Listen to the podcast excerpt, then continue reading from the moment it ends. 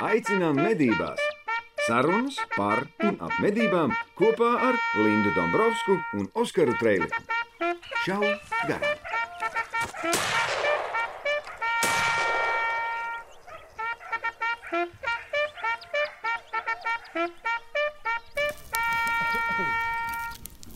Mēs ar Indulu esam atbraukuši no meža. Induls ir tur. Induls ir tur Aizmugurē aiz kameras. aiz kameras. Mēs mežā bijām, taisījām reportāžu par ļoti varonīgiem cilvēkiem. Tikmēr Ādežos Oskars izklaidējās. Nu, relatīvi piedalījos savās pirmajās sacensībās šā 300 metrus. Jā. Iespaidu daudz, ne? Iespēja daudz vēl joprojām šitādas acis. Sirdsklauvas. Sirdsklauvas un viss, starp citu, tās bija tās.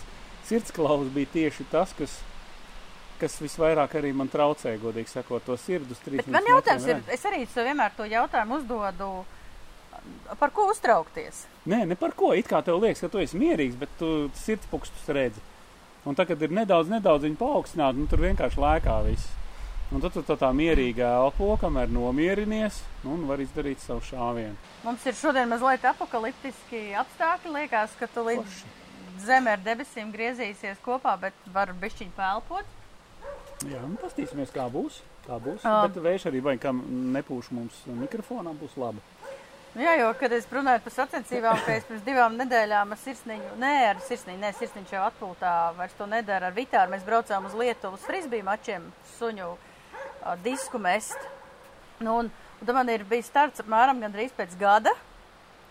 Man ir pa ko uztraukties. Es to daru sava prieka pēc, jā. un es vienkārši es izmetu pirmo disku. Suns aizskrien, noķer, un es jūtu, kā plus 30 grādos man pēkšņi paliek reāli augstas kājas, uzmetās zosāda. Tu stāv ūdenī? Nē, vienkārši tik no uztraukuma, tik, tik šausmīgi Stresiņš. stresiņš, tik šausmīgs, ka tu pēkšņi liekas, ka zeme sašūpojās. Tad domāju, sapastos uz sevi no malas, gan stulba palikusi. Par Nē, ko ir- uztraukties? Nu, nav par ko uztraukties, bet, nu, jebkurā gadījumā, nu, man šāda veida mači, man principā nesanāk mačos piedalīties. Ja visu laiku, tu, nu, kur tas atrodas, tas ir šautavē. Uz mači noteikti tad, kad brauc klienta šautuvu. Bet, nu, šoreiz mēs izdomājām, nu, vajag tā kā izšaut, beidzot vajadzētu aizbraukt, kā lai saka, paspēlēties ādars smilškastē. Jā, tā kā 300 metros, pamēģināt savus spēkus, visi kārtībā, visi forši, bet, nu, tas pirmais tāds, tāds ka tu nevari savākties. Labi, ka ir tā, tā, tās minūtes tev piešaudēji, kur tu vari, nu, sakopot domas, uzliec ausis, visu, mauc tikai. Tā ir interesanta pieredze. Patiesībā, ļoti, tas ir sākot kaut kas bišķiņ vienkārši- trenēties tālšaušanu, nu, kaut Mm. vai bišķiņ pamēģinot, pirmām kārtām saprot, ko dara tavs ierocis, ko dara tava optika. Un tu saproti, ko tu pareizi vai nepareizi nospiedz prūda Un Ko dara vējš? Ko, Un ko dara vējš? Ā, vienkārši kaut kādas šausmas. Tāds tikai štaukt pūtieniņš. Man tūlīt beigsies frizūra, tāpēc, Ai, ka var, var, līdz lietus. Un Linda saģērbjās. Jaciņa. Rozā jaciņa. Starp citu no vēstures. Ja nemaldos otrajā pasaules karā, uh, flote kaut kādus konkrētus kuģus krāsoja tumši rozā. Jo viņiem šķita, ka arī visticamāk tā ir, ka tas tumši rozā tonis bija ļoti slikti redzams. Tādēļ tas bija tā kā tumši rozā, tā kā kamuflāža. Tā kā reāli var iet ar rozā pa mežu un neviens tos neredzēs. Nē, nu dzīvnieks jau kā baigās krāsas neredz tā runā. Tādas izteiktas, vai ne? Līdz ar to tev ir tikai apveida grafika. Vairs jau nekas. Tas tā, ja runājot arī par apģērbu un par kamuflāžas apģērbiem. Nu, jā, jo galvenais jau, ka, ka tā kamuflāža jau ir vajadzīga, lai salauztu to mednieku siluetu. siluetu. Lai nav vienkārši tāda tumšs fons, Nu, kas tāds precīzs kantains. nevis kas. fons, bet, nu jā, precīzi figūra, kas jā, siluets, kas kustās. jā. Tas ir tas. Tādēļ jau arī vajag kamuflāžu. Kaut gan, ja tu ļoti perfekti saplūst ar apkārtējo vidi un kaut kādā veidā pat- tumšs neizceļās, Ir apģērbs, ko mēs zinām, kā kamuflāža, īpaši tie jaunie pikseļainie, kas nu šķietami cilvēku acī, nu, kas tur var noslēpties, vai ne? Bet tanī brīdī, kad tu esi dabā, tu tā, ah, ok, labi. Šā garām jaktei būt. mēs rakstam atkal piekdienā, Kā ierasts, principā. kā ierasts. Un man ceturtdienā zvanīja, zvanīja Latvijas mednieku asociācijas valdes priekšsēdētājs Haralds Barviks un stāsta tādas lietas, kā Lēdurgā, Pēmas purvā, esot izcēlies meža ugunsgrēks. O, Un, kā Haralds teica, mazliet ne tas sašutis, vai nu vienkārši nu tā, diezgan emocionāli saka, ka dzēši ļaunie zemnieki, Ļaunie zemnieki. dzēši ļaunie mednieki, bet no tiem, kas baigie dabas aizstāvi, tie tur neviens neko Nav. nav iesaistījies. Ir vietējie brīvprātīgie Es ugunsdzēsēji. zinu, kur tie ir, tie zaļie. Viņi šārē sociālos tīklos. Ah, jā, To, ka notiek ugunsgrēks. Droši vien, nu, ko gan citu viņi vēl varētu darīt. Nu kā, nav, nav slikti laika apstākļi, nepiemērots apģērbs. Tā kā mums šodien esam uz terases, kur jumtiņš nesniedzās pārāk ā, tālu, un mēs sēžam zem lietu sarga. Nekāda vainīga, nekāda vainīga forša. Rozā Man- man jaka, labi, rozā lietu sargā. Bet, nu, stāsti par to, ka PMS, PMS Jā. Pašlaik jau laikam izdeguši 200 hektāru dega purvs. Un pirmie, kas noreaģēja, viena no pirmajiem, kas noreaģēja, bija tieši vietējā Latvijas mednieku klubā mednieki. Un tad šodien mēs aizbraucām apstīties un uzklausīt to viņu stāstu, kā viņi gāja iekšā, un pēc tam bija ugunsdzēsēji, un bija brīvprātīgie Latvijas ugunsdzēsēji, brauca brīvprātīgie no Inča kalna. Mm. Tieši viņa medību platības, tur viena daļa dega. Izsteigājām, safilmējām, skatieties ekstru Gaidiet. ar, būs, drīz būs.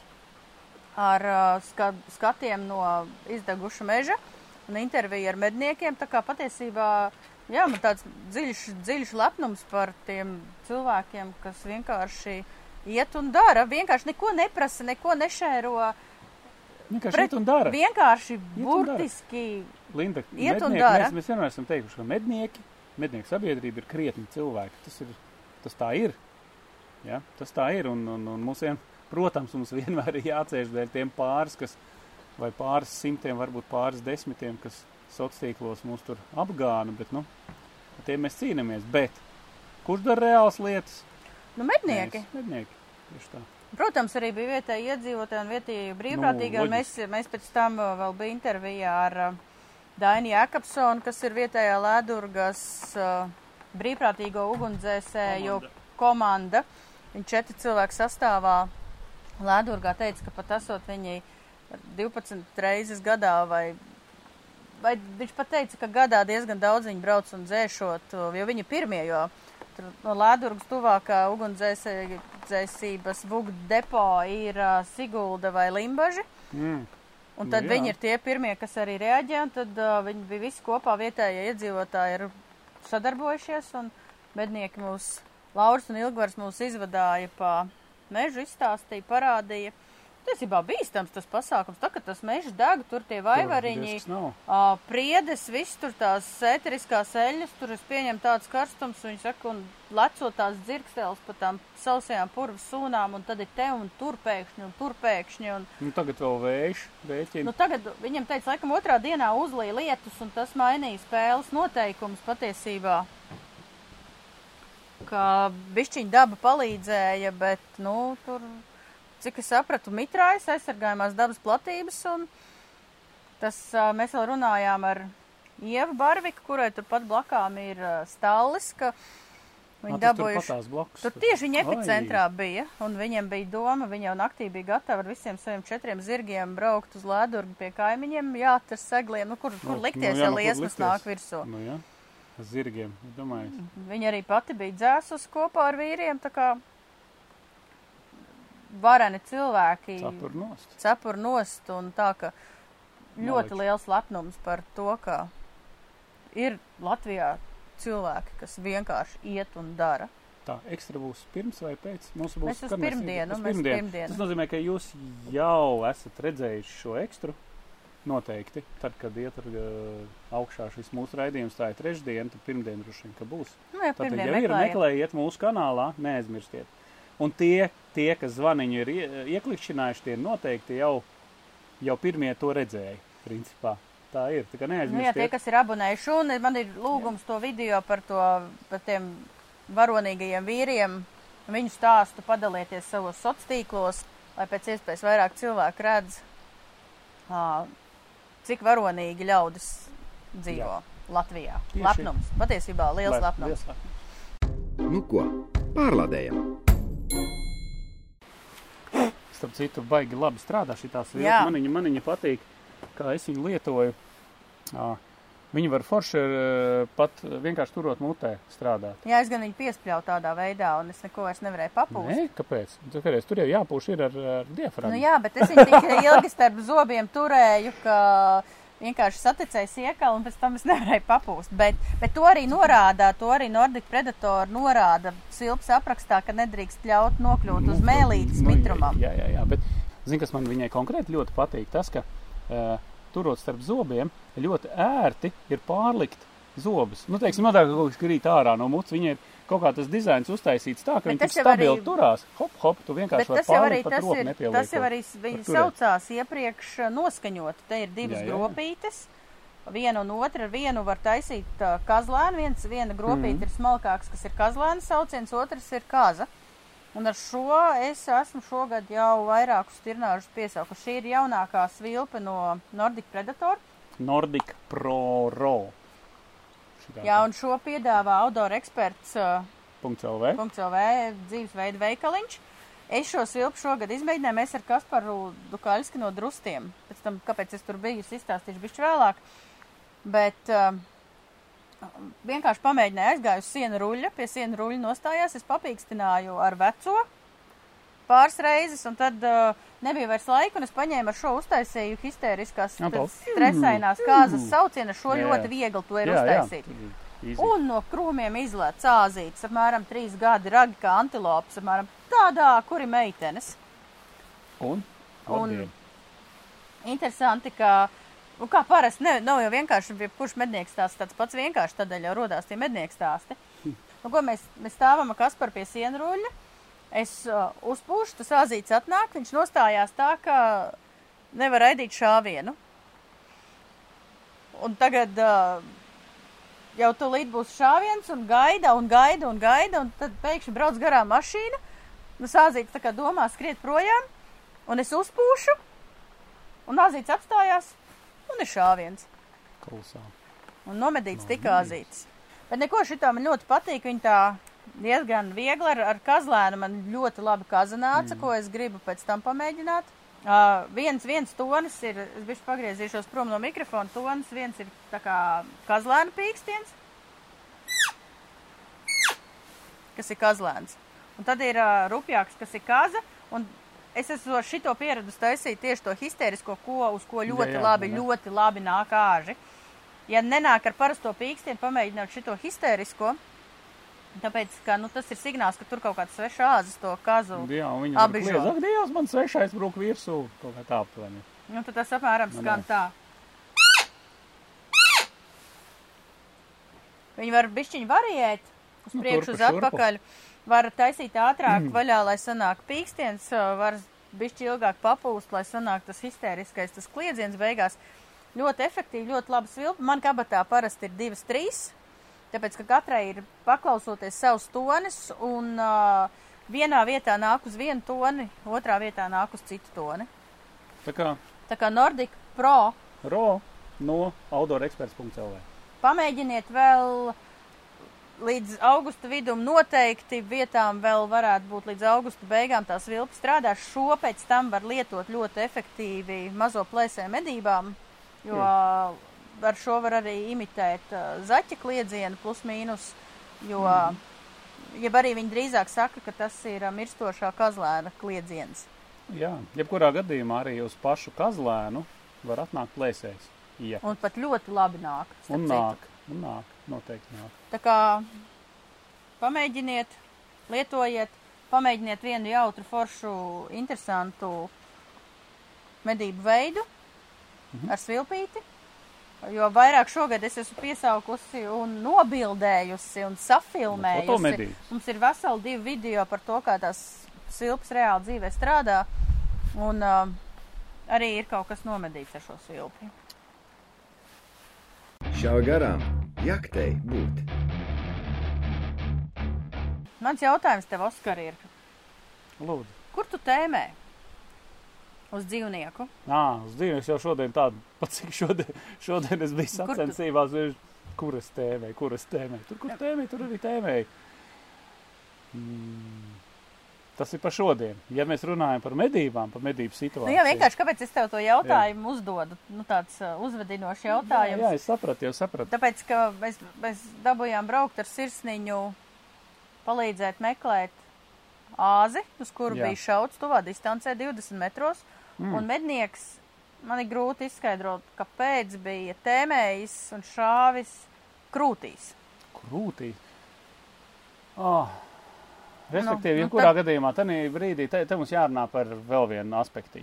Ja mēs medījam dzīvnieku, eh, viens ir, kur tu tā kā tēmē, bet uh, attiecībā dzīvnieks kā ir nostājies, tad mums jāno, j- jānoprecizē. Jā, Ja? No priekšpuses es nekad nešauju.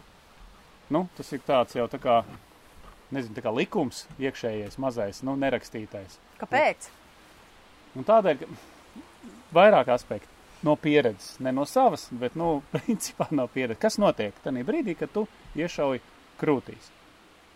Tu, Nē, ok, dzīvnieks ir nomedīts. ja Viss tu ir pagaidi tā- pie nosacījuma, ja tu precīzi trāpi trāp- krūšu kurvī, Kurvī, jā, jā, kas jā. patiesībā ir ļoti šaura svītra atkarībā Jā, jā. no dzīvnieka. jā. Nu, skaties, tev ir pietiekami jaudīga munīcija. Ja? Jā, Lode, ekspansīvā lode, nu, kādu dižmedījumu mēs, kā jau Mhm. iepriekšējā epizodē mēs noskaidrojām, ir jāmedī nevis ar pilnapvalku, bet gan ar kārtīgi ekspansīvas darbības lodi. Iejot iekšā, viņi rada hidrošoku un tā tad, nu, tur sprādziens. sprākst viss, kas sprākst var viss, kas- uzsprāgt. Tad brīdī, kad viņš lido taisni, viņš uzsprāgst plaušas, pārplēš uh, attiecīgi diafragmu, kuņģīts iet pa gaisu. Uh, tas vēl būtu viena bēda, ja? bet tā lode var iet mugurkaulā. Tu sačakarē, zaķīši nav, karbonāda puse nav. Un tad viņi kaut kur vēl iet vēl starp ciskām, apstājās tur starpā kaut kur. Un tad sačakarāja vēl pakaļējās ciskas. Tipisks šāviens, un kas tev beigās paliek? Divas priekškājas, tur var būt tās ciskas, ja karbonādas nav, zaķu nav, zaļais, pilnā apmērā. Nu, sveiki, lūk, lūk Tur jau tas zaļais vairs kruškurvī. nav zaļais, bet viņš ir stipri brūns, Nu, nu, tur, tas, tas, tas ir sviests. Lūk, šis ir šāviens krūškurvī, manā skatījumā. Nu, jā, un jo, jo tas medījums mazāks, jo tas tie Tad- bojām, labi, alnim, la, ba, alnim līdz ciskām neaizies. Nē, nu neaizies, jā, bet, nu, ja jūs āzim ievālēsiet, tā teikt. Un bija šauts, ar, Oh, šauts tika 20 metros ar 764 sveiki. un uh, asiņu jūra. Un āzas ieskrien mežā, un uh, viņi bija izsteigājuši naktī, nebija atraduši, un tad jau Ievaino, nu, iet kā trāpa, jā. reizi, un, bet, nu, sanāca, ka mēs aizbraucam nākamās dienas pēcpusdienās, asins izkaltuši, šausmīgs karstums, sirsniņš vecs paliek, viņam šausmīgi grūti. Un mana pirmā versija bija, nu, ka, ko mēs esam tādus atraduši ar sirsniņu, uh, ir atšauta lāpstiņa no krūškurvi, lodi ir izgājis tieši starp kauliem. Tas tajā mirklī nav nāvējoši, bet šausmīgi nepatīkami. Jā Un dzīvnieks var diezgan tālu aiziet ar tādu ievainojumu. Jo lielāks dzīvnieks, jo tas uh, gājiens ar šādu ievainojumu būs tālāks. Bet ņemot vērā to, ka mēs izķemējām to mežu, mm, nezinu, apmēram 300 metru radiusā no vietas, kur pēdējo reizi bija redzēts asins, un neatradām, tam man ir visdziļāk aizdoma, ka ir atšauta vienkārši priekškāja. Un tā kā. Viņš tēmē? Tieši tā kā taisnu kurvī. Nu, kaut ko teica, ka kurvi esot Aptuveni. tēmējis. Nu jā, bet nu, tur 20 metri, tur jau attiecīgi vēl tā nobīde. Nu, iet uz leju. Iet uz leju. 20 metros pa 5 cm Centra- apmēram nu, tik, cik viņam leju. no, no centriem līdz stobra centram. Nu, jā, optikas 20 centram. metri, Nu, tā tur- līdz tur tā. 20 metriem atceramies, līdz šaujot līdz 20 metriem lode vienmēr iet pa 5 cm pa zemi. zemāk. Jā, It vienkārši īpaši to jūt medījot bebrus. kā izšau garām vienkārši apakšā. Jā, likās, tepat 5 metri, Pieci. kā varēja šaut garām, vienkārši izšauja bebram pa apakšu, tam nokutina, Pakutina bišķiņu. pakutina vēderu, un ar to arī viss beidzās. Grūti jau mums tagad ir spriest par to, kāpēc Nē, nu tika labi. raidīts tāds šāds. Tas nav, tas nav būtiski. Tas nav būtiski, mēs tagad runājam vispār principā, kur labāk, kur labāk, vai ne? Ok, pieņemam. No priekšpuses, nu nešaujam. Nešaujam, vienkārši to nedaram. Man ir bijusi situācija, ka es esmu man iznāca briežu būlis, dzinēja medībās nostājās, apmēram ieslīpa 100 metros. Es diezgan ilgi domāju, bet es pieņēmu lēmumu pa labu šāvienam, un uh, krūtīs es netrāpīju. Es krūt, trāpīju bišķiņu uz aizmuguri, bet, nu, nomedīja tas dzīvnieks nogāja 130 metrus bez asins pilas, mm. -hmm. principā. Labi, ka mans suns bija gudrāks par mani un aizgāja un atrada. Mhm. Bet, bet man ļoti arī nepatīk šāda šāviena, un visticamāk, šobrīd tādā situācijā es nebūtu raidījusi tādu Ok. okay. šāvienu. Labi. Tā, ko tu domā par šāvienu kaklā? Nu, šī ir šāda tēma, jā, ir ļoti daudziem. Teikšu godīgi, arī es ļoti daudz stirnas tieši šādā veidā medīju. Man tā šķiet stirnam, ļoti jā. efektīvi. Stirnas, jā, un nevis jebkur kaklā, bet konkrētā Nu, vietā konkrētā kaklā. kaklā. Un, bet runājot par stalbriežiem, mums pagājušajā gadā es meža cūkām tur ir, tur ir jābūt ļoti pārliecinātam, tur jābūt ir labam atbalstam un ļoti pārliecinātam, ka tavas, vispār runājot par, sāksim ar to, nu, tā kā no otras puses sāksim. Ja piešauj ieroci, arī gludstobra ierocim kat, konkrēti Jā. katra munīcija iet savādāk. Tādēļ ir jāpamēģina, kur iet gludstobra ierocis ar katru munīciju ar vai bez optiskā tēmēkļa. Arī bez optiskā tēmēkļa jāsaprot, kuru munīciju veido vislabāko grupu.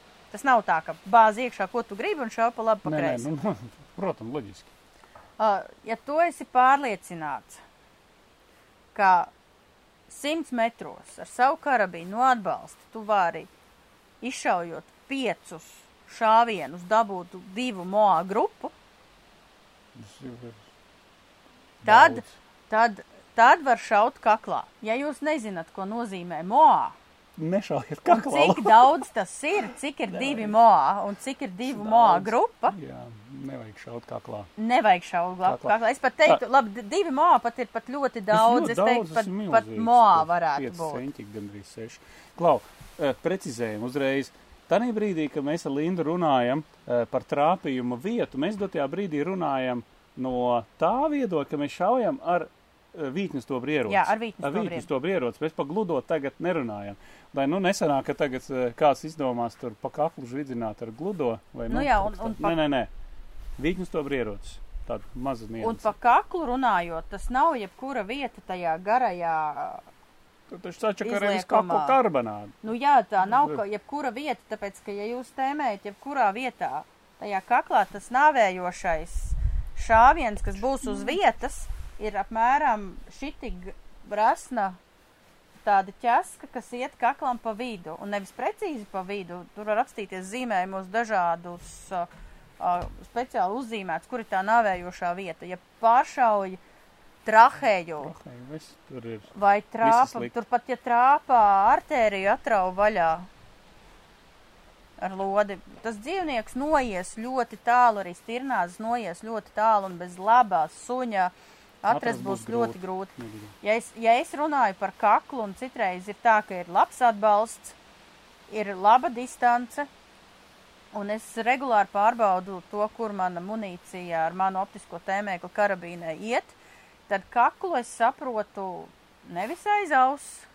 bukam, tāpēc, ka ir Nu, jā, trofeja. Tur, tur, tur uzreiz būs Nevis ā, tā ķeska, tas garais ā, mugurkaula, pats Tur kakls. kakla, kakla Bet, skriemeļi. bet tur tā ir. vieta, kur pienāk kakls klāt pie Pie ķermeņa, ķermeņa, virs pie lāpstiņas principā. Faktiski iet, jā. iekšā. Tā, ka tas nāk tas kakls un tad ir tā savienojuma vieta. krūškūri. Un tur tieši sanāk. virs sanāk, virs uh, lāpstiņas sanāk. Nu tā kā. Tur tāds, tā visplatākā vieta, un tad, ja tur tajā mirklī bišķiņi kļūdās, nu, ja trāpīs pa lāpstiņu, būs nāvējoši, ja Nu, trāpīs augstā. krūškūri arī ir ok. Nu, Jā, viss. tad to es saprotu pa kaklu, bet uh, man ir aizgājis āzis, kurus vienkārši saklausījos vienā kaut kādā sākumā, kad man bija karabīnas, saklausījos, kā ir jāšau kaklā, un nokrita, piecēlās Un aizgāja. un aizgāja. Un viss, un mēs ar suņiem vēl nākamā dienā meklēju, un neko nevarēju atrast vairāk. Okay. Ir, starp citu, vēl viena interesanta vieta, kur šaut noteikti nevajadzētu. Uh, proti, tas ir uh, mugurkauls. Ja? Nu, ir citreiz tā, ka varētu pa mugurkaulu, un tad uz vietas ir viņš vienkārši tā nokrīt un viss, ja. Bet ir, eh, ir tā viena vieta zem mugurkaulu, kur ir tie saucamie, kā viņi sauc, Radziņi? radziņi, jā. Bet tas ir uh, mugurkaula virspusē. Nu, virspusē, nu, citreiz ir tā, ka tu tur tā zona ir. Ir bijuši gadījumi, ka tu iešauji, trāpi tieši zem viņiem, tur ir liels caurums, liela asiņošana, bet dzīvnieks aiziet ļoti, ļoti tālu. Pirmo triecienu viņš dabūna, nokrīt lejā, šķietam viss kārtībā, pēkšņi raujas gaisā un aiziet. Nu, jā, es esmu, nu, es, es biju dzinēju medībās, kur bija gājām meklēt ievainot dzīvnieku. Sekmīgi atradām, un tam bija uz muguras, tieši uz muguras šitāds te caurums. šķīva liela, lieluma gaļas pleķis, tāpēc, Mhm. ka iepriekš pirms nedēļas dzinēju medībās arī bija trāpījums bijis par, par muguras virspusi. Dzīvnieks nokriks, piecēlēs un aizgājis, un mēs sekmīgi pēc tam nākamā nedēļā to nomedījām. Ar tiem radziņiem ir Nu, sanāk tā, ka papētiet bildes, ir žurnālā medības bijis, bijušas bildes, man liekas, pat arī pro, portālā medībām.lv. Ja ne mēs pie, mēģināsim vēl sameklēt un pa jaunu publicēt, ir tā, ka iet tas mugurkauls no kakla un tad iet mugurkauls uh, pa ķermeni, pa, sauksim to pa liemeni, un virs mugurkaula ir tāda tā kā, nu, kaula izauguma uz augšu, pa muguras daļu virs lāpstiņas. Un tad, kad iet meža cūka, pa mežu, ir īpaši ziemā, ar paceltu, paceltu grebeni.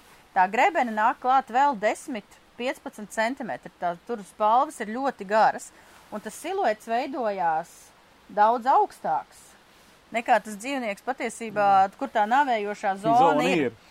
Un tas sanāk, ka tur ir apmēram šitāds te gabals, kurš vizuāli nāk klāt, ka, nu, tā kā, sanāk, ka tu it kā šauji virs sirds, nu, tā kā Nu, jā. plaušās, bet, Plaušā. bet patiesībā tu šauji pa Cauri. Jā, Pa mugurkaulu. mugurkaulu, jā. Un sanāk, uzraut bišķiņu, sanāk, uzraut bišķiņu augstāk, un tad ir tie radziņi, un ir sašauts karbonādus un savainot dzīvnieki. Un... Vispār sašaut karbonādu nav forši. Nē, Man sašaut liekas, karbonādu nav forši. nav forši. Tādēļ, tādēļ vajadzētu šaut nu, klasiskās zonās, kas ir nāvējošās zonas. Kur tu šauji? Nu, sānā, teiksim, klasiski. Tātad nostājies smuki ar sāniņu. Parasti, parasti Gaidas medības. Gaidas, gaidas medībās cūka vai stirna būs parasti aiz lāpstiņas, tur, kur ir plaušas, jo tad arī uh, no gaļas viedokļa ir vismazāk bojājumi. Tur Šāviens plaušā man ļoti patīk. Jā, jo šāviens plaušās būs daudz efektīvāks Jā. nekā šāviens sirdī, jo šāviens sirdī dzīvnieks aizies. Viņš jau elpo. Viņš, Viņš var aiziet kamēr vēl pumpē. 200-250 Tālu. metrus. Ar šāvienu plaušās uh, tas būs Tas daudz nāvējošāk. Nu, viņam maisi telpu un viņš nokrīt praktiski. Tur Nu, izsit elpu, Izsit elpu, izsit elpu. Ja tev hidrošoks sanāk tieši plaušā, tad viss. Tev plaušas nav un Nu, jā, jo mēs arī pagājušajā jau iepriekšējā epizodē runājām par navējošo munīciju un, un tika atkal un atkal uzsvērts, un kāpēc mēs par šo šobrīd runājam, ir par to, ka mednieku uzdevums ir raidīt šāvienu tā, lai sagādātu dzīvniekam pēc iespējas mazāk, Mazāk ciešanu ciešanu. un nogalinātu to pēc iespējas ātrāk. Tādēļ mēs arī tik detalizēti par to runājam un uh, atvainojamies nemedniekiem, kuriem grūti saprast Jā, jā. šo tēmu. Liekas, Nu, ka jā, ka šausmīgi kaut, asiņaini, kaut bet kādi baigie mošķi, zinu, runā tik šausmīgi asinskāri. Nu, nē, mēs runājam tā, lai tas būtu ētikas robežās. Nu, tā, lai tas būtu ētiski. Nu, lai pareizi. nu, jo mēs saprastu. medījam. Mēs taču nevaram runāt caur puķiem, caur ziediem, nu, par tādām lietām. Tas tā kā, es nezinu, nu, ķirurgi jau arī caur ziediem nerunā par to, kā viņi operē savus pacientus. no apendicītes izgriezt apendicīti, ir izgriezt apendicīti. Tā tad, jā, tad tu izdari griezienu šeit, izdari griezienu šeit. Nu, tad mēs arī runājam par to, kā efektīvāk nomedīt dzīvnieku. Turpinam pēc pauzes. Nu ko? Lādē iekšā! Kāda ir tā optimālā distance medībās, kādās tu raidi to šāvienu? Es gatavs raidīt šāvienu. Nē, Nu, ir- piemēram, tagad, nu, tagad tu aizbrauc uz šautu, višāvi Nu, snaiperi 300 300 metrus. metros, un tagad tu brauks uz mežu un šaus 300 metros dzīvniekus. Nē, Nē nu, man liekas, tie 100 metri ir man liekas, tāds ļoti super optimums. Nu, tur plus mīnus 100, vēl 50 metri. Jā. Nu, tas ir tā, ja mēs ņemam, ja nu stirnas tie 100, 150, ļoti mierīgi. Kāpēc? Kāpēc ne 200, kāpēc ne 250? Nē, tāpēc, ka, redzi, manam kalibram Ja, stobra galā ir nu, nedaudz pāri 3000 džauliem. Ja, un, lai es gribētu, lai tas, tas teiksim tā, Kas tev 6,5 reizes man 55? 6,5 reizes 55. Tātad, lai būtu vēl tā jauda, vēl būtu pietiekama, nu, līdz tiem 100 metriem, tad tālāk, nu, nevajadzētu šaut. Ok, lapsas var būt, jā, uz tiem 300 var arī šaut, bet, nu, lielos medījumos dzīvnieks noteikti nē. Vienkārši no tā viedokļa, ka tev šķiet, ka Redz, ar manu kalibru ir ļoti precīzi jāšauj lielie medījumie dzīvnieki, lai, lai būtu efektīvi un lai viss būtu ļoti labi. Jā, jo, jo šo tēmu mēs arī sākam cilāt, tāpēc, ka bija grupā Hunting in Latvija, bija viena dāma uzdevusi jautājumu par to, kādu, ka viņi grib iegādāties karabīni, o, sev pirmo Ā, ā, karabīni. tā- Jā, es atceros šo. Sev pirmo karabīnu. Tur tagad džeki bārstās, tur viņa gribot 6,5 krīdmoru, Te, viņai tur piedāvā šito, piedāvā re. veikalos pirkt.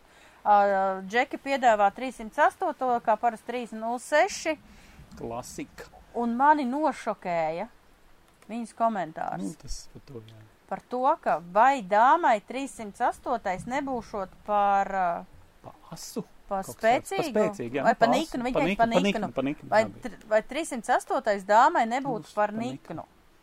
Tas ir ko, seša puskrīdmors būs mazāk nikns, vai kā? Es tādēļ, man tādēļ es sapratu, ka pilnīgi izpaliek izpratne par to, ko nozīmē kalibrs, uh, ko izsaka konkrētais kalibrs un kā šis kalibrs process? attiecās uz medību apstākļiem un medījumiem dzīvniekiem. dzīvnieki. Vai ne? Tas arī bija tā ļoti, ļoti interesanti. Un Un, es, es, es un viņai- protams, tur bija foršas atbildes arī diezgan, tur bija arī pareizas atbildes. Viņa saka, nu kā, nu ņem taču jebkuru kalibru, uzliec klusinātāju, uzliec kickstoperi, ja tu gribi, tu vispārībā neko nejūtīs. Es atvainojos, draugi, Lindai, Linda, Linda ir septiņi rēm mag, ja? ir septiņi rebi magi no 2003. Trešā gada Linda šauj tikai septiņi rēm mag. Ja, nu, uz lielajiem. Uz lielajiem. Man, Nav, nav jau tā, ka viņai tagad ir, es atvainojos, viņa pēc katra šāviena vai pēc medībām iet pie fizioterapeita. Ja, un, ko es vēl gribu piebilst, ka, ka pirmā mana karabīna bija tika T3, tad klusinātājs lietot nevarēja, un tai Nevarēja. tikai ielikt kikstoperi, jeb Nevarēja. smagumu laidē, lai mazinātu atsitienu, kas man ir tagadējai plintai. Uh, nebija tāda Nu, iespēja. jā, un viņa vēl bija vieglāka vēl. Ja, Tā līdz ar to teorētiski atsitiens ir spēcīgāks nekā smagākam ierocim. Jā, tā, tāpēc, ka tas mīts, ka sievietēm nedara lielie kalibri, es nezinu, kurš to ir izdzemdinājis. Piedodiet. Varbūt pašas sievietes kaut ko meklējot kaut kādā Es, tādā es veidā. saprotu, ka bija pašā sākumā, tad, kad es sāku medīt uh, pirms daudziem gadiem, un nebija tāda ieroča izvēle kā tagad, un tad kalab, ka, karabīns arī tad bija kaut kas pilnīgi jauns, un nevarēja saprast kādu karabīnu. Un, uh, man pirmā plinta bija no tēva pārakstīta Ižene 27 E1S, kas bija it kā padomju laika Baigi labāt. baigi labā eksporta plinte ar vienu sprūdu mēlīti, nevis ar divām, bet ar vienu sprūdu mēlīti. Tad tas sākums man arī asociējās ar to, ka bija jāvēl kaut kādas biezas, šausmīgas vestes, jo šausmīgi sita un jebkurš uh, kontakts ar ieroci bija asociācija, ka tas vienkārši dauza Mocības. pa muti un pa plecu un sit un sit un sasisti pirksti un izšauj 25 šķīvīšu zils vaigs aizēju uz darbu. Man priekšniece skatās un saka, es vēl tad zemkopības ministrijā strādāju. Tagad, ah, tu sestdienās atkal šāvi? Jā, es sēžu ar zilu vaigus, plecs zils, viss ir vienkārši Ah. briesmīgi. Un kas beigās izrādās, Linda? Kāpēc plinta sit pa seju? Tāpēc, ka nebija laida piemērota, tāpēc, ka tas bija vienkārši iž, kurš principā vienkārši sit. Sit. Nē, nu es domāju, ka tur vairāk nepiemērot laida, acīm redzot, un Un, uh, un, un vēl ir viens, viens nepielāgots ierocis. Un vēl ir tehnikas jautājums, tāpēc, ka tu šaujot uh, pēc, nu, tā kā Nu. liekas, ka tev ir šausmīgi jāievāk tā plinte Nu, jā, jā, jā, plecā jā, un tā ir jāsasprindzinās. viens. Un ja tu vairāk sasprindzinies, jo vairāk sit. Un jo vairāk sit, jo vairāk sasprindzinies, Zinies. jo vairāk sit. Aburtais loks. Tā Tādēļ, nu, tādēļ no tā es pieņēmu, ka, tāpēc, ka arī saku, sievietēm nevajagot 6, 12. kalibru bisi, vajagot 16. kalibru bisi, šausmīgi sit.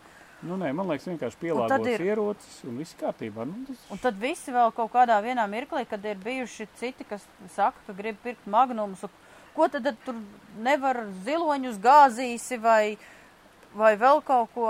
Es nezinu, tie teksti ir vienkārši šausmīgi. Pēc kam tev Latvijas apstākļiem magnums vispār, Linda? O, tiešām. Žirafei skries pakaļ. tāpēc, ka no O, 2003. gada šaujot ar šo kalibru un vienlaicīgi arī trenējoties, man ar asinspēdu aiziet, aizgājis un neatrasts šķiet ir viens vai divi dzīvnieki 20 gadu laikā. Viņš vienkārši ļoti precīzs, ļoti laba balistika. Ļoti, Ļoti jaudīgs. jaudīgs. Viss, ko vēl? Precīzs, jaudīgs, laba balistika. Super. Ko Jā. vēl vajadzētu grib- gribēt? Nu, neko. Un 7 mm. 7 mm, kas ir Tas ir ļoti superīgi. ļoti labs kalibrs. Viens ļoti, no ļoti labākajām labi. balistiskajiem rādītājiem tieši 7 mm lodēm, tādēļ arī es tai dāmai ieteicu pirkt 7x64, kas nav magnums, bet ir 7 mm Super. lode, kas ir radīta speciāli medībām. medībām.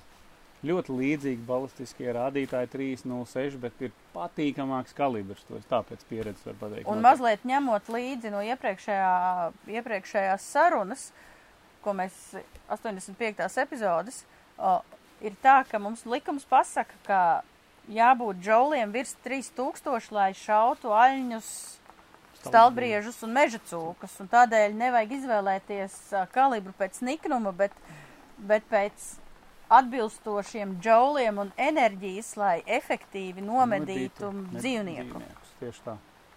Nē, nu es tādā brīdī arī, nu, skaties, uz gaidi. Viens kalibrs, nu, piemēram, 7 remāga. Dzinēja medībās, tur ir tuvās distances, tur vispār ir 9,3 reizes 64, piemēram, vai 63, man liekas, jā, kaut kas tam līdzīgs. Nu, 9,3. jā, tā ir lode. 9,3 lodīt. Nu, tas ir Super. kalibrs, ā, kas ā, lēns kalibrs. Lode ir lēna, smags. smaga, lido kā akmens gan drīz. Ļoti piemērots šāvieniem tuvākās distancēs. Tuvākās distancēs, es saprotu, ne tālāk kā 150 metri. Nu, tas, Tas jau būs- Simt, tas ir šausmīgi tāls. Simtiņš. Un līdz ar Pietiek. to arī ir liela brūce un ir laba asinspēda. Un, mm. un, un vienkārši saprotiet, ka ir kalibri, kas pieļauj lielākas kļūdas, un ir kalibri, kas nepieļauj kļūdas. Piemēram, 6,5 x 55 ir 6, ko tas nozīmē? 6,5 ir lodes diametrs Mhm. milimetros. 55 ir čaulītes garums. O, Džauli tam ir, tas ir viens no pirmajiem kalibriem, kas iekļūst 3000 džaulu kategorijā. Nu, tur, tur, teiksim, manai munīcijai tur 3030, 3050 vai 3100. Tur, nu, tāds viņš tur varijē. Plus mīnus. Un pat tad, ja ar šo kalibru tas šāviens uz lielu dzīvnieku, piemēram, lielu kuili, ir nāvējošs, tam kalibram kaut kādās konkrētās distancēs vai ar konkrētiem trāpījumiem var nepietikt tās jaudas, lai radītu tūlītēju apturošu efektu. Ar manu kalibru ir tā, ka vēl papildus ir jāizvēlās pareiza nu, tā dizaina lode. Tāda, tāda lode, kas eh, nu, taisa tā lielāku bojājumu. Nu, tas izējot no tā, vai tas ir pilnapvalks vai, piemēram, tur lode, kur taisa tādu sēnu, un tas hidrošoks ir stipri lielāks, un tad jāizvēlas tā vēl. Tur šie aspekti jāņem vērā. Nu, jautājums, tu vari izskaidrot uz fikso, kas ir hidrošoks? No hidrošoks. Tā vienkāršiem vārdiem. Jā. Tas ir, eh, Kāpēc tas ir tik svarīgi? Nu, tas ir tas. Tāpēc, ka hidro ir ūdens, Ūdens, nu, tas un ir- šoks, šoks ir, šoks tas, kas rada tur šoku, ir, viļņi rodās. Respektīvi, to vislabāk var izskaidrot, paskatoties eh, YouTube, kādā veidā strādā lodes, kad viņas iekļūst eh, tā saucamajos gēlos iekšā. Gēlu kas- klučos. Gēlu klučos ja.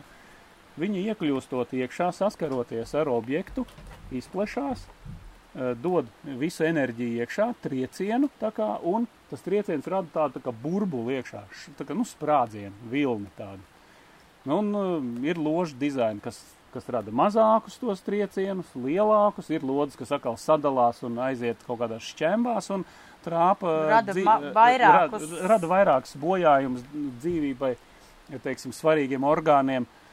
Bet, ja ir lode, kas, kas rada perfekto sēni, viņa attiecīgi rada atkal lielu tādu burbuli, un tas ir tāds, nu, viņš tā kā uzsprāgst iekšā, nu, un tad tie orgāni viss sabojājās. Es saprotu, ka šī nomedījās. tēma nav interesanta tiem uh, medniekiem, kas, uh, kaut mazliet laika, vairāk laika pavadu šautuvē, šaujot ar savu viņas to brieroci, bet Jā. tā kā mums daudz klausās jauniet, un patiesībā tāpēc, ka ļoti daudziem nav izpratnes, ko nozīmē kalibrs vispār, vēl joprojām, tad tādēļ mēs mazliet par šo tēmu runājam un dalāmies ar savu pieredzi. Cerams, ka kādam noderēs. Uzrakstiet komentārā, ko par to domājat. Nu ko, pārlādējam! Var sajaukt prātā, tāpēc, ka 7 reiz 64, kas ir 7 mm lode, 64 čaulītes uh, Garums. garums, jā. 243. kalibrs uh, ir apzīmējums nevis metriskajā sistēmā, bet uh, Imperiālajā. imperiālajā, jā. Kas nozīmē 0,243 no collas. Un tas apzīmē uh, lodes diametru collās. Tāpat tās arī Siet. 308 ir 0,308 collas, uh, jeb uh, 762. Divi. 2 reiz, 762. reiz 51. Jā, tas ir uh, Mhm. arī lodes diametrs. Uh, interesantākais ir 7 mm remag, kurš ir uh, radīts Amerikā, bet apzīmējums Ir ir, metriskajā metriskajā sistēmā. sistēmā, un tas apzīmē 7 mm Lode. ir lode. Rem, Remingtons ir uh, kompānija, kas šo kalibru radīja, un Magnums apzīmē to lādiņu. Šajā nosaukumā nav, lādiņš. jā, šajā nosaukumā nav iekļauts čaulītes uh, Garums. garums. Uh, Tāpat tās kā 300. Vinmaks nozīmē uh, tri- 0,300 colas Winchester Magnum. Winchesters ir kompānija, kas šo kalibru radīja. Un vēl ir VMS. VMS, jā, kurš ir, magnums. jā, kas ir uh, nu, arī 0,300 Winchester Short, Short Magnum, Magnum. kas ir īsa, īsais magnums. Īsāk čaulīt, bet viņi ir rasnāk, manuprāt. Nu, jā, viņi ir īsāki un rasnāk, tas ir pavisam Nu, jauns kaut- kalibrs. Uh, un tādēļ ir ļoti grūti saprast, ko tas nozīmē, bet katram kalibram, ja jūs pērkat kastīti veikalā, munīcijas kastīti, uz kastītes sāniem, apgriežot uz sāniem, ir tabula. Tur nav nekas jāzīmē, balistika nav jāzīmē. Tur ir skaidri pateikts, ja lode ir piešauta piemēram 100 metros, kāds ir kritums a, 150, 200, man liekas, līdz Nu, tur- 300. tur, Jā, Tad ir tieši pa tādām pašām distancēm uzrakstīts, kā krītās lodes enerģija. Ja stobra galā, piemēram, ir 3000, tad uh, 100 metros būs tāda, 200 metros būs tāda un 300 metros būs jau būs tāda. stipri mazāk. Un tāpat tās uz kastītes ir vēl viena līnija, kas norāda lodes ātrumu. Sākuma ātrums ir stobra galā, kas ir vislielākais, un tad lodei ātrums krītās. Un, ja jūs uh, gribat saprast, cik tā lode ir efektīva, kurā distancē, vienkārši paskatieties, kā samazinās džouli un kā samazinās ātrums konkrētā distancē. Laba balistika nozīmē to, ka lode, piemēram, septiņi remagu, lodei salīdzinoši tā Līkne. trajektorijas līkne, balistiskā līkne būs tā lē- lēzenāka nekā, piemēram, 306. Nu, 308.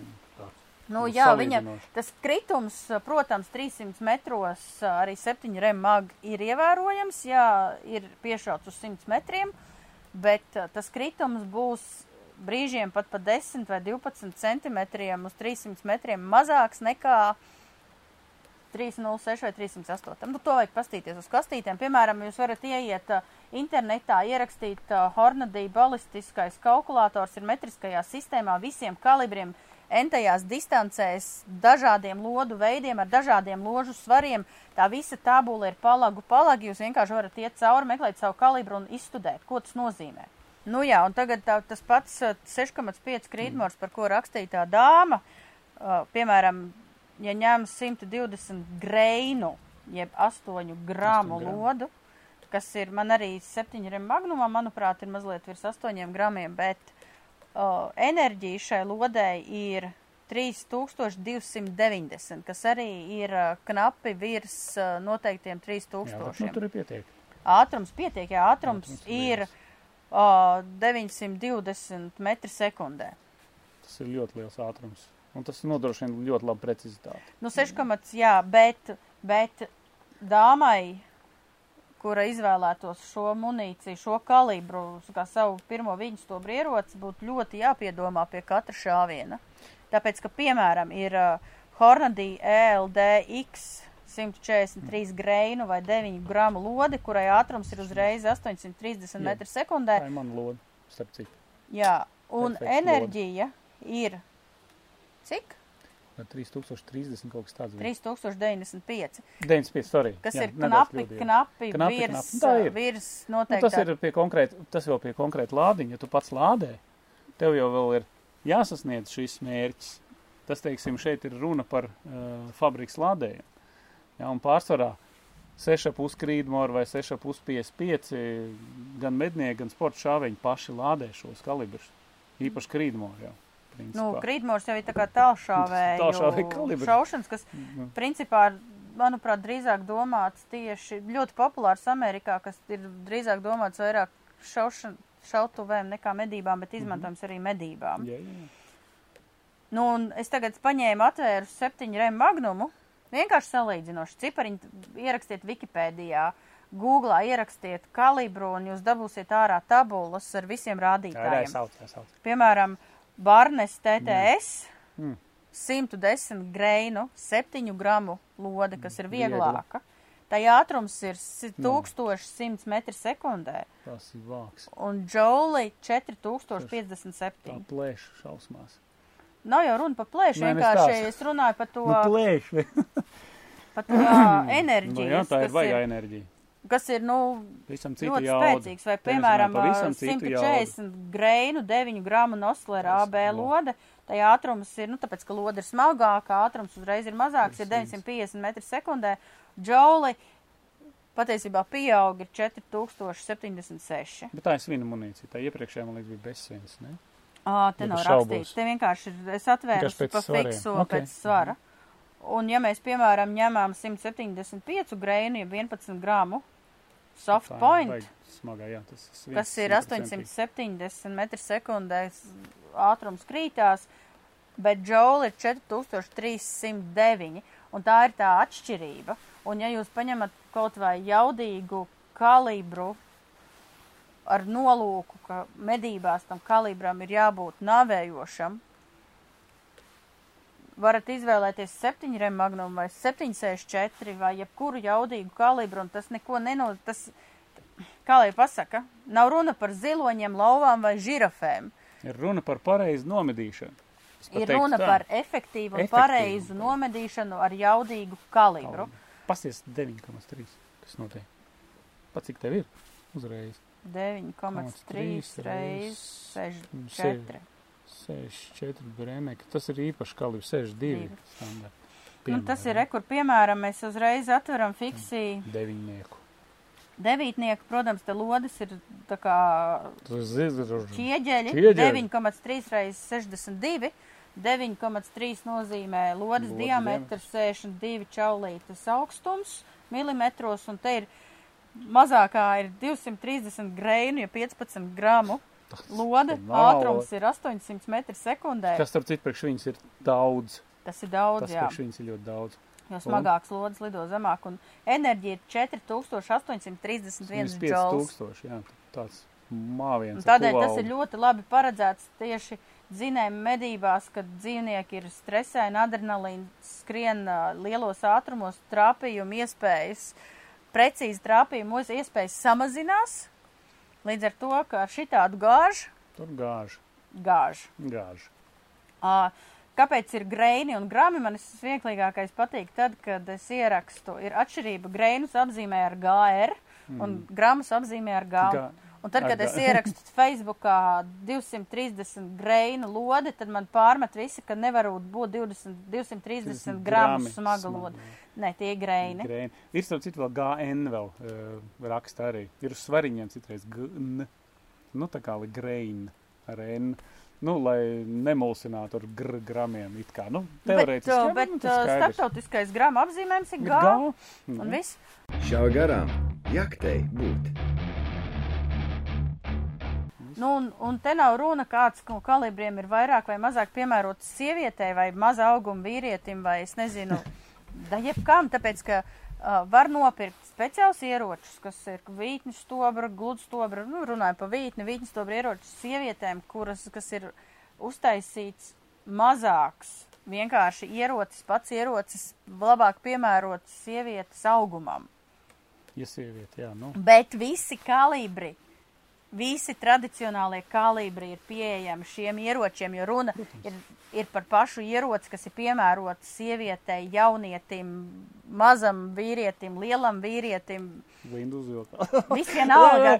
Tur ir pilnīgi vienalga. Jums ir svarīgi Svarīgs ir jaudīgs, labs, efektīvs, precīzs kalibrs. atbilstošām medībām. Jums ir konkrēts medību veids, un tad tam konkrētajam nosacīt medību veidam vajag konkrēti ieroci ar konkrētu kalibru. Nu tā. Nu, stirnām arī, nu, neies ar deviņnieku, pareizi. Nu, kur tu tur? Nu, tad 50 ir- metros izgāz, tur, labdien, pusstirnas nav. 223. uz stirniņām. Nu, kāpēc ne? 243. Nu, 243. Kaut gan arī var šaut ar to pašu septiņu rem magnumu, izvēloties pareizu trāpījumu vietu aiz lāpstiņas. Arī. Nu, es esmu redzējis, ka ar 306 Bet tas ir pavisam cits. Tur ir. Uh, uzrauju pa stirniņu dzinēja medību laikā. bet daudziem jau nav divu ieroču. Viņi Nē, nu šauj, nav, viņiem ir 1, 3, 0, 6 karabīni un šauj vasarā, Nu, vai bebrus. klusīt un šauj, un viss kārtībā. Nu, tur? Nu, ja nu. tur čakarēties, vai ne? Bet, jebkurā gadījumā, jā, tai meitenei, nu, izvēlētos, ie... tur bija tie pareizi ieteikumi, vēlreiz var atkārtot. Tātad, nu, ja negrib, lai ir liels atsitiens, lai kož, klusinātājs. Klusinātājs ir viens risinājums, un lai nebūtu disbalans, ka klusinātājs ar raujas stobru uz leju, tad var ielikt, nopirkt laidis vai ieročus, kuros var ielikt tā sma- kickstoperi. Piemēram, man blāzeram No ir tāds, kas viņš, nu, tā kā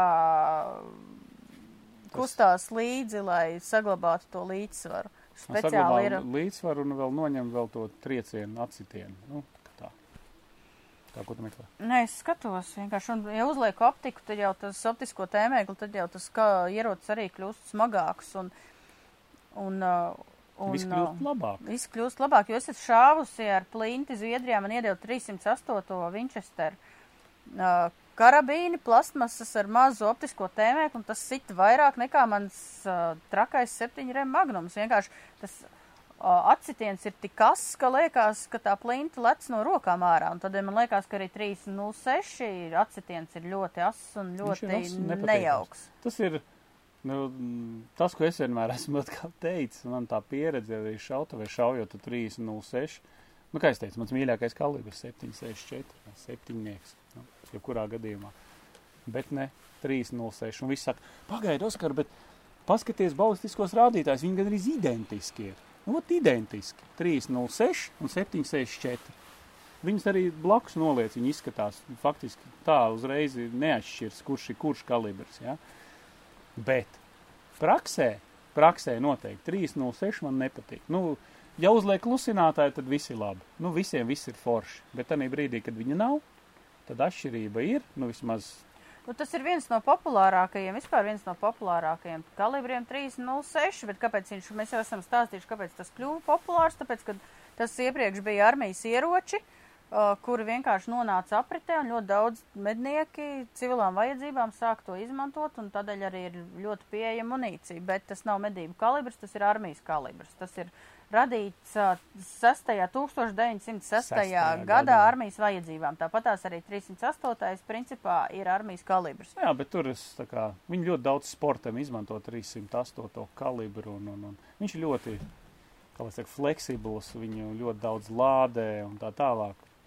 Ļoti pieņemams, ļoti foršs Man kalibrs. personīgi nepatīk. Nu, man nepatīk. Šodien, starp citu, arī parādījās. Šodien, pat cik bija vējš, ļoti tāds nu, nepatīkams. Tad, piemēram, mana lodīte, seša pus, mums bez ka šāvām ar šeša, seša pusniekiem, nu, viņi pavisam savādāk lidoja nekā 762. To, to lodi vilka projām daudz Nu, vairāk jā, nekā. Bet tāpēc, ka tavējais mazās 6,555 ir tieši taušaušanas paredzēts kalibrs ar mazu atsitienu, jā, ļoti labiem balistiskiem rādītājiem, un tie balistiskie rādītāji ir labāk nekā 308. Mhm.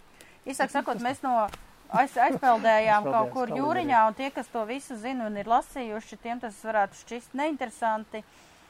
Bet uh, tur nav nekāda ķīnas ābeci, tas nav nekas mistisks, ko nevarētu saprast, jo kādreiz man kāds teica, ka nopublicējiet žurnālā to lodas kritumus visus. Tas, Tas, tas viss ir pilns ta- internets. tas ir tabulu, vajadzīgs. tabulas, kas ir Tas ir vārkārtīgās tabulas. Mums būtu šitāds žurnāls jāuzraksta, ja mēs ņemtu. Tas ir katalogs. Tas katalogs tur pa katru kalibru, par Katru katru lodi. lodi. Tas ir vaiprāts pilnīgākais. Un vēl to visu salīdzināt, analizēt, nu tam nav nozīmes nekādas. Tam nav nekāda Ne, vajadzība. tas vienkārši jāpaņem, jā, jāpapēta tie kalibri. Kalibru šausmīgi daudz un pēdējos gados rada ar vien jaunākus kalibrus konkrētām vajadzībām. Viens ir tālšaušanai, viens ir tikai šaušanai, viens ir konkrētām šaušanas disciplīnām, cits ir paredzēts medībām, uh, uh, cits Jā. ir paredzēts šitādiem medījumiem dzīvniekiem vai tādiem medījumiem dzīvniekiem. Nu, Piemēram, kaut kāda kalibra, kas paredzēta ir ā, Āfrikā, lai medītu bīstamos, Nu jā, īpaši citu. bīstamos medījumos Tur jau dzīvniekus. vispār ir lielie. Kaut kādi. Nu, tur ir nitro, kas iet tur ā, 450 un ā, Zauku. uz augšu. Tā kā, nu, ir ļoti daudz forši kalibri, kas ir piemēroti sievietēm, jauniešiem, neliela auguma vīriešiem, liela auguma vīriešiem. Nu, tas jau, ja tu nemāki ierocis turēt un, un tev tas nav pielāgots un nav izlīdzsvarots, nav svarīgs, kāds tev ir augums, tev sitīs, tas Kā sitīs. tev jāsaka? No sākuma jāiet uz sporta zāli, trenēties, un tad pie ieroča jāķerās. Ja nevar noturēt. Tad nevajag, varbūt. Nu, tas nav no tā atkarīgs. Nē, nē, nu, ja tu nespēji noturēt vienkārši rokās ieroči. Bet tev ir tehnika vajadzīga. Nē, nu, Ja tev nav kopā, tehnikas, tu vari, tu vari kopā. cilāt hanteles, bet ja tu nezini tehniku, tev tas neko nedos. Tas ir bijis citu muskuļu grupas un tā. Bieži vien arī viesi braucot uz šautu, var tur redzēt, kā spēcīgs vīrietis, bet viņam ir šausmīgi nogurst roka. Nu, Tas, viņš nekad viņš nekad to nav neko turējis. Jā. Nu, tā ir cita tēma. Oh, mēs baigi novirzījāmies, man liekas, tu noguri. Es noguru. Uh, nē, nu jā, bet Mēs novirzījāmies no tēmas nedaudz. Kur tad pareizi ir šaut vai ne? Medījuma, medījumam. Kur Ir. pareizi trāpīt? Uh, nu, tāds, tā kā, kā tu saki, rezumē vai, vai kaut Jā. kādi ieteikumi no aizmugures nevajag šaut, trāpu tēmēt. Ne no priekšas, ne no aizmugures. Ja tu- Uh, no nevajag. priekšas ir iespējams nomedīt efektīvi, bet ir ļoti maza tā zona, ļoti maza tā navējošā zona, kas ir redzama. Tur var sataisīt daudz vairāk ziepes nekā kā parasti saka, stāv sāniski, blatē. Uh, Tāpat tās vienmēr ir jāpievērš uzmanība tam, ko ir ļoti grūti, tīpaši krēslā un distancē, pateikt, vai dzīvnieks stāv tieši blatē vai mazliet sagriezies. Jā, tur ir, un tu izšauji. Un iznāk pa pakaļ cisku ārā jā, vienkārši tāpēc, ka izrādās, ka viņš nemaz stāvējis ir ieslīpi, Ieslīpi. bet, bet tad, kad stāv sāniski, tad ir vieglāk uh, atrast tādu tā, kā lai saka, lielam dzīvniekam tā nāvējošā zona būs ļoti salīdzinoši liela, un labāk ir šaut krūšu kurvim pa vidu aiz lāpstiņu nekā augstāk. Tieši tā. Uh, par šāvieniem galvā un šāvieniem kaklā, kamēr jūs nevarat iešaut uh, piecu šāvienu grupu no normāla medību atbalsta, no normāla, nevis no spilventiņiem un kājiņām un vēl vis kaut kā, bet no normāla medību atbalsta, no torņa jūs nevarat iešaut. Divi moā ir pa daudz, es pat teiktu, pusotrā, Vienā vienā moā, ja jūs piecus šāvienus nevarat trāpīt, es neieteiktu nekādā vīzē Kaklā, mēģināt kaklus, galvas, ausis un vēl visādas dīvainas lietas. Šāviens rumpī un viss būs kārtībā. Es saprotu, ka maniem suņiem patīk meklēt, bet uh, Vispārībā cilvēkiem, kam ir suņi, patīk braukt un un, meklēt. un meklēt. Tas jā, ir baigais azarts, jo Jā, liekas, ja tu super. sāc meklēt, tad ir jāatrod. Jā, kaut kā tā. Bet, jā, pēc pagājušā Labāk gada jāmeklē. brīnuma, ar, kas tur bija šāvis riesta bullim, vēl piedevām šaut kaklā vai kaut ko tajā virzienā, mm. tas ir vienkārši aizmirstiet. Ja jūs neesat izšāvuši trīs mačus snaipers 300 metros un nevarat Nu, trāpīt normālu grupu, aizmirstiet pa kaklu. Jā, Vienkārši. Izsvītrojiet to ārā no, mēs baigi ilgi ap šo runā. bet tā ir. Aizmirstiet. Ok, aizmir, vienkārši Aizmirstiet. Tagad, pagaidi. Aizmirsāt? Ļoti labi. Ļoti labi. Turpin. Nu ko? Uh, vēl turpinās tirnām riest, vēl varat nomedīt. Uh, Kaut ko varat nomedīt. tā kā man, nu, manuprāt, Aigars Rumbergs man teica, kad uh, pēc pīļu medību atklāšanas Jā, nākamā medīt. dienā esot jāaiziet un tad varot piesaukt zeāzi. Zeāzi, pašu Jo- galveno zelta Jo tad, āzi. tad it kā visas kāzas ir aplektas, bet tam āzim vēl šausmīgi gribās. Nu, Nu, viņam arī ir tā laikam sasniegts tas nosacītais maksimums ragos. Nu, viņš ir, nu, principā viņš visu ir izdarījis. Ragi vēl ir grib, forši. un viņš vēl grib. Un viņš jau grib. Un jūs varat viņu paņemt. Nu, kaut kā tā. Nu jā, un atceramies, augusta žurnāla medības numurā būs galvenā tēma ir ekonomiskās optiskās ierīces, jeb optiskie tēmēkļi. Ekonomiskās. Budžeta klase. Budžeta klase līdz 1000 eiro. Kolosāli. Mums ir intervija, neliela intervija ar Juri Kušķi, kurš ir tālšaušanas entuziasts. Viņš dod padomus un kritērijus tam, kā izvēlēties ekonomiskās klases tēmēkli, lai nav tā, ka, mm. -hmm. nu, kāpēc ir labi un kāpēc ir slikti un kā tos atšķirt. Vēl ir šausmīgi daudz interesantu tēmu. Meklējiet rokā augustu numuru. Esiet dabā. Šaujiet garām. Noteikti šaujiet garām. Uzspiediet laiku video, ja jums patika. Ja jums patika, lūdzu, padalieties ar radi, ra, radiem draugiem. Obligāti iekopējiet saiti WhatsApp, savus medību klubu WhatsApp grupās. O, jā! Un obligāti, obligāti kaut ko iekomentējiet. Patika, nepatika, un ko vēl jūs gribētu dzirdēt, lai mēs jums forši pastāstam. Kaut kā tā. Un vēl, ja nu galīgi tās reklāmas nav pretrunā ar jūsu iekšējo pārliecību, tad skatoties YouTube, kamēr iet reklāmas, Uztaisiet ejiet padzert kafiju. Uztaisiet kafiju. Tādējādi jūs atbalstat mūsu kanālu. Pēciet Jā, žurnāla medības, abonējiet žurnāla medības. Augustā būs jaunais pielikums atkal klāt. A mums līdz lietas, mēs lītās vilksim gorteks jakciņas un iesim sēdēt uz torņa medībās. Tā kā tā, šaujam garām, Un jaktē būtu. tiekamies. Ņemamies nost. Masts beidzies.